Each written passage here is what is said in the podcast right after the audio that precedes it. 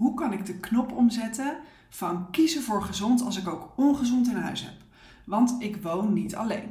En ook kan ik een hele zak nootjes leeg eten zonder dat ik er erg in heb voor de tv, terwijl ik het niet wil en er een opgeblazen gevoel van krijg. Heb ik gewoon geen wilskracht? Nou, dat is de vraag van Karin. Die stuurde ze mij via Instagram nadat ik op uh, mijn Instagram stories gevraagd had van joh, met welke podcastonderwerpen kan ik jullie nou een plezier doen? En ik vind dit echt een super goede vraag, waar denk ik heel veel herkenning in zit uh, voor jullie. Dus in deze podcast gaan we het daarover hebben. Dit is de Eetrust podcast, de podcast voor vrouwen die zichzelf willen bevrijden van emotie, eten en eetbuien en verlangen naar een ontspannen relatie met eten. En deze podcast is de eerste podcast van een podcast vierweekse, waarbij ik elke werkdag voor de komende vier weken elke dag een podcast opneem.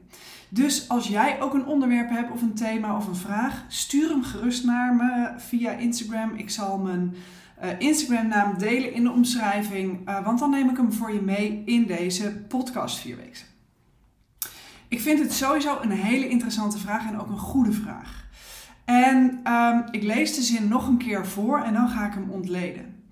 Hoe kan ik de knop omzetten van kiezen voor gezond als ik ook ongezond in huis heb, want ik woon niet alleen? Dat is de eerste zin. En dit is een hele interessante, want het gaat over de knop omzetten. En dat is al interessant op zich, want de vraag is natuurlijk: zit er dan een knop in je brein? Uh, een knop is een ding wat je aan of uit kan zetten. Hè? Maar um, ja, dat hebben we niet in ons brein. Uh, en ook geen soort orgaan wat je aan of uit kan zetten. Hè? Dus die knop omzetten is een concept.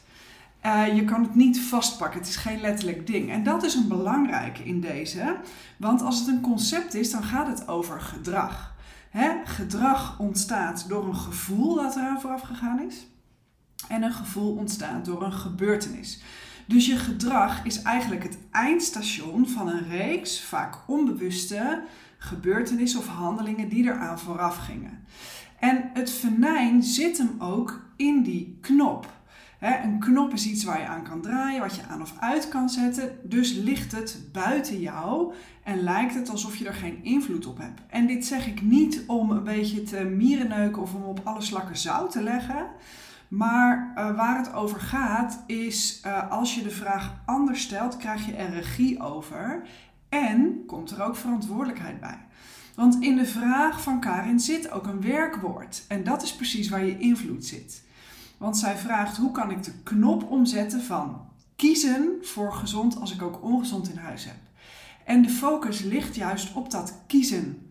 Dus um, als je dit thema herkent bij jezelf, stel je vraag uh, dan ook eens aan jezelf van waar ligt bij jou de focus op? Is het die knop waar je eigenlijk geen controle over lijkt te hebben? Of gaat het daadwerkelijk over het kiezen wat je wel of niet doet? Hè?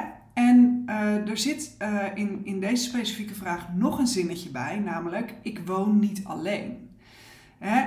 Impliciet, ik, ik snap wat ze bedoelt, hè? Want impliciet gaat dat erover, ja, ik kan niet niks in huis hebben, want ik heb ook nog huisgenoten die wel wat willen.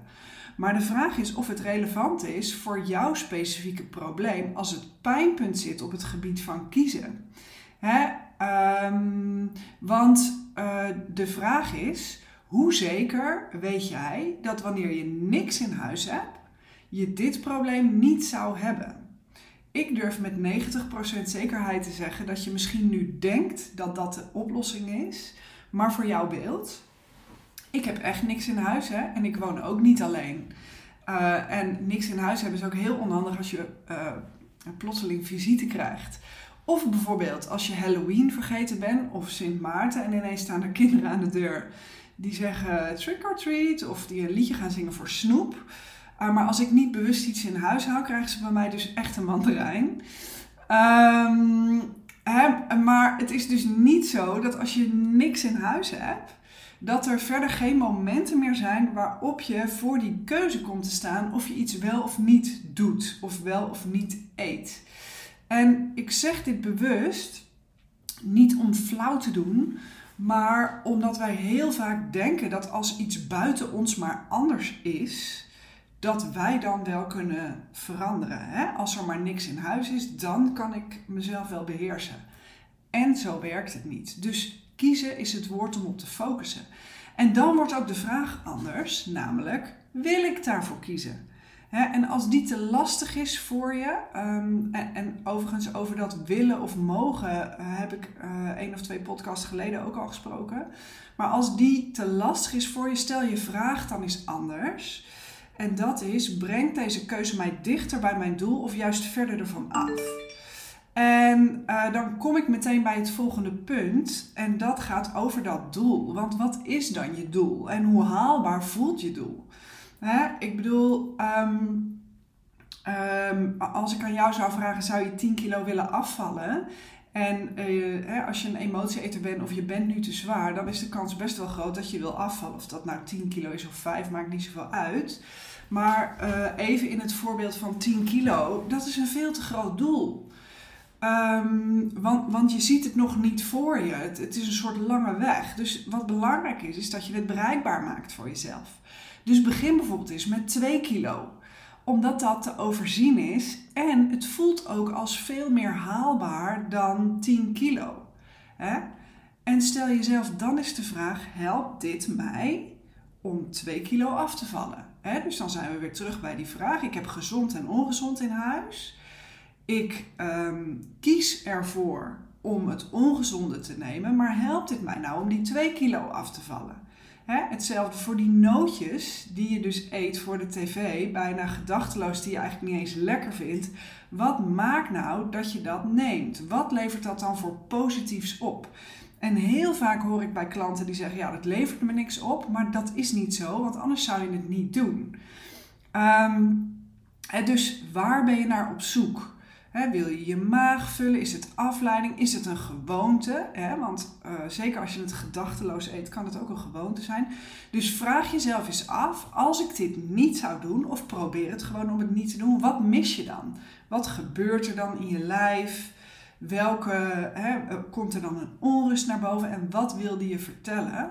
En kijk dan eens, wat is nou die daadwerkelijke drijver achter die keuze om te gaan snijden? als je feitelijk gezien hebt besloten dat je dat niet wil. Oké, dus het gaat echt over een keuze, weten waar je het voor doet en waarom je het doet, maar ook vooral weten waarom je het doet als je het wel doet. Wat levert dat op? Wat is soort van de verborgen bevrediging die daaronder uh, onder zit? Of wat ben je aan het vermijden? Want het kan uh, bevrediging zijn van, van een behoefte, maar je kan ook iets aan het vermijden zijn. Hè? Uh, bijvoorbeeld in een coachcall, ik had um, een van mijn klanten in de coachcall van mijn eetrustprogramma. Die, uh, daar zijn we eigenlijk achter gekomen dat zij heel veel moeite heeft met uh, geen voorraad in huis hebben. alleen dat, dat heeft wel een wat langere achtergrond, zeg maar. Omdat in, in haar gezin van herkomst er schaarste en honger is geweest. Waardoor je zo geconditioneerd kan zijn van ik mag niks weggooien en ik moet altijd wat in huis hebben voor het geval dat. dus uh, daarom is het goed om die drijfveren te onderzoeken. Want als je weet wat die drijfveren zijn, dan kan je daar ook adequaat op reageren.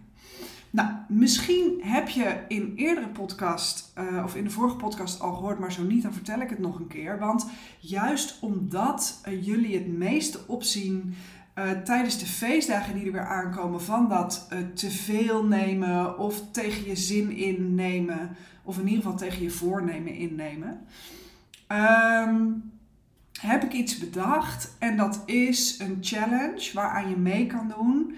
Waarbij uh, ik je ga helpen om nog steeds volop te genieten van die feestdagen. Hè? Dus je hebt het gewoon gezellig, je geniet van lekker eten.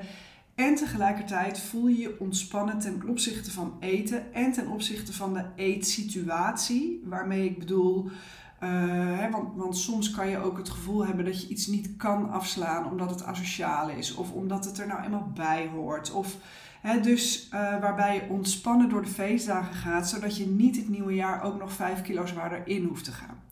Nou, ik ben er nog mee bezig om te zorgen dat jij echt heerlijke feestdagen kan hebben.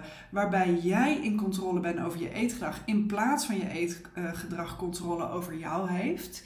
Ehm, dus ik heb nog geen webpagina waar ik je naar kan verwijzen. Maar als je een vaste luisteraar bent van deze podcast en je denkt, goh, ze heeft nou al zo vaak dingen verteld waarvan ik denk, ja, dit is helemaal wat voor mij. En als je dat nu ook voelt, hè, van ja, kom maar op, uh, want deze feestdagen wil ik gewoon relaxed doorkomen, wel genieten, maar niet uh, me helemaal vol proppen. Uh, zodat ik een soort rollend naar huis ga en ook rollend het nieuwe jaar inga. Uh, dan kan je je aanmelden met de link die ik in de omschrijving van deze aflevering deel. We beginnen officieel op uh, eh, 28 november. Er komt dus nog een uitgebreide pagina met informatie op mijn website, maar die is er nu nog niet. Um, dus uh, meld je aan uh, als je zegt van ik weet nu al dat ik mee wil doen, want ik weet sowieso dat het waardevol is wat jij uh, gaat, gaat aanbieden. Dan kan je je nu ook aanmelden met de early bird korting. Dat doe ik ook um, omdat er ja, omdat dit nu even alle informatie is waar je het mee moet doen. En dan kan je uh, meedoen voor 9 euro. Dus dat is echt een no-brainer. 9 euro om relaxed door de feestdagen door te komen.